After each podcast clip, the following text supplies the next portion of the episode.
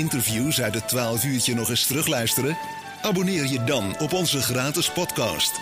Zie voor meer informatie onze Facebookpagina en onze website www.het12uurtje.nl Op de Acaciahof aan de Hoogstraat hier in Mil is sinds eh, vorige week een hele speciale bijenkast eh, te vinden. In de Nijkrant las u daar al het een en het ander over bij het uh, gemeentenieuws. En ook wethouder Jos van den Boogaard die heeft er een aandacht aan besteed in zijn column deze week. en iemand die ons er alles over weet te vertellen hebben we aan de telefoon, Bart-Jan Fernhout. Bart-Jan, goedemiddag. Ja, goedemiddag.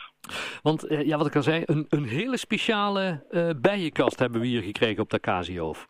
Ja, dat klopt. Vertel eens. Wat, een wat, bijkast waar zeer veel jaren werk al in zit. En eigenlijk wat er speciaal in is, is niet de kast. Ja, de kast is eigenlijk ook speciaal, maar is eigenlijk het volk wat erin zit. Mhm.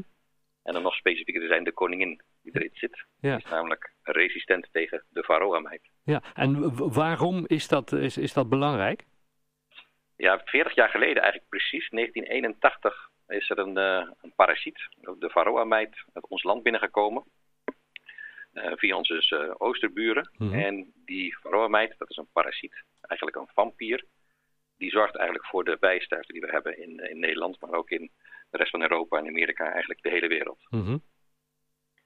En die meid die proberen wij als imkers te bestrijden met chemische middelen. Uh, nou, dat lukt maar deels. Daarmee verzwak je eigenlijk ook de bijenvolken. En tegen steeds meer middelen wordt die varroa-meid resistent. En zelf ben ik ook twee van mijn beste koninginnen verloren bij het behandelen tegen de varroa-meid. Dus Hm. met het gebruik van die chemische middelen. En dat was een reden om zeven jaar geleden te denken van, hé, hey, kan dat niet anders? Ja, en, en, en, en dan bedenk je verder aan, dan moeten we een, een, een koningin gaan, gaan, ja, hoe heet dat dan, kweken, ontwikkelen, die, die, die resistent is. Maar hoe, hoe gaat dat in, in de praktijk dan? Ja, wat we eigenlijk doen is, eh, we, we, we, we kweken koninginnen en die insemineren we eh, met het sperma van maar één dar. En daarmee hebben alle werksters die in dat volk komen, die hebben dezelfde vader en dezelfde moeder. Dat is anders voor de volken die normaal gesproken 10 of 15 verschillende vaders hebben. Ja. Nou, die hebben dan heeft zo'n volkje eigenlijk eh, alle eigenschappen heel sterk uh, brengt het naar voren. En wat wij dan doen is dan brengen we extra varroa-meiden in het volk. Dus zeg maar de vijand. En dan kijken we welk volkje daar het beste mee om kan gaan. Hm. En het bleek zes, zeven jaar geleden dat één op de tien volkjes er eigenlijk dan al best aardig mee om kan gaan.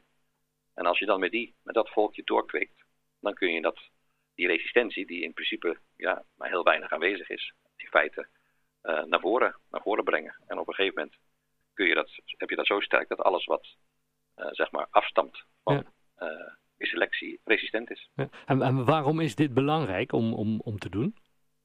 Ja, de, die, die chemische middelen die we gebruiken, die, die werken steeds minder. En sowieso moet je je afvragen van als jij een volk hebt wat, wat ook honing moet produceren, uh, of, dat, of je dat normaal moet vinden dat je daar als imker uh, drie, vier keer per jaar chemische middelen in, in gooit, om het zo maar te zeggen. Hm. En de, de natuur zorgt er eigenlijk normaal gesproken voor dat er een, zoals we dat noemen, gezonde uh, parasiet-gastheer-relatie is, om met een duur woord te zeggen. Hm. Maar in feite moeten dus bijen, en dat blijkt ook, moeten in feite zelf met zo'n parasiet om kunnen gaan. Ja, en, en, en jullie hebben ja, nu de natuur eigenlijk een beetje geholpen. Ja, daar komt het eigenlijk op neer. Het, het, is eigenlijk inderdaad uh, Darwin onder, uh, onder een pressure cooker, als je het zo wil zeggen, onder, onder hoge druk. Yeah. Uh, die hoge druk is er trouwens al een beetje af. die, die, de volken en ook het volk wat we in mil hebben gezet, dat is alweer een volk met, met gewoon meerdere vaders, dus met meerdere darren. Hm. En als het goed is ook resistent, maar we kijken ook of het volk zachtaardig genoeg is en genoeg honing. Ja. Het selectieprogramma gaat nu door en we zijn niet alleen maar meer met resistentie bezig, maar ook de zorg dat de eigenschappen hebben die de imkers prettig vinden. Ja, en, en hoeveel van, van dit soort bijenkasten, hoeveel van dit soort volken zijn er ondertussen? Ja, we zijn vorig jaar begonnen met deze volken, uh, om twee redenen, zal ik zo aangeven. Maar er zijn er nu 17 uitgeleverd.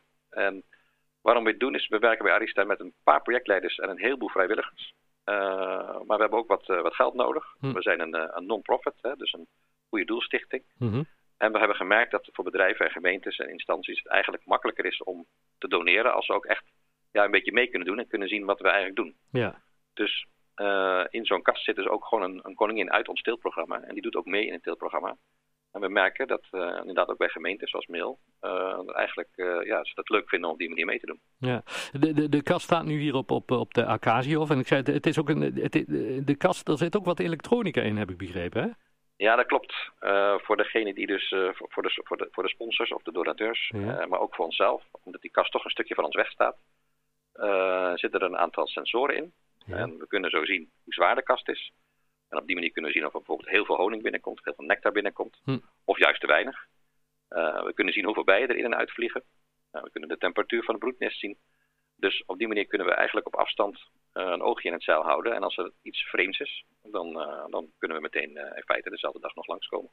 Hartstikke goed. Mensen die, want ja, Casio, veel mensen lopen er even een keer overheen en, en even bij het, bij het kapelletje. Zeg maar, kunnen ze de kast ook zien en zien ze dan ook dat er iets speciaals aan zo'n kast is?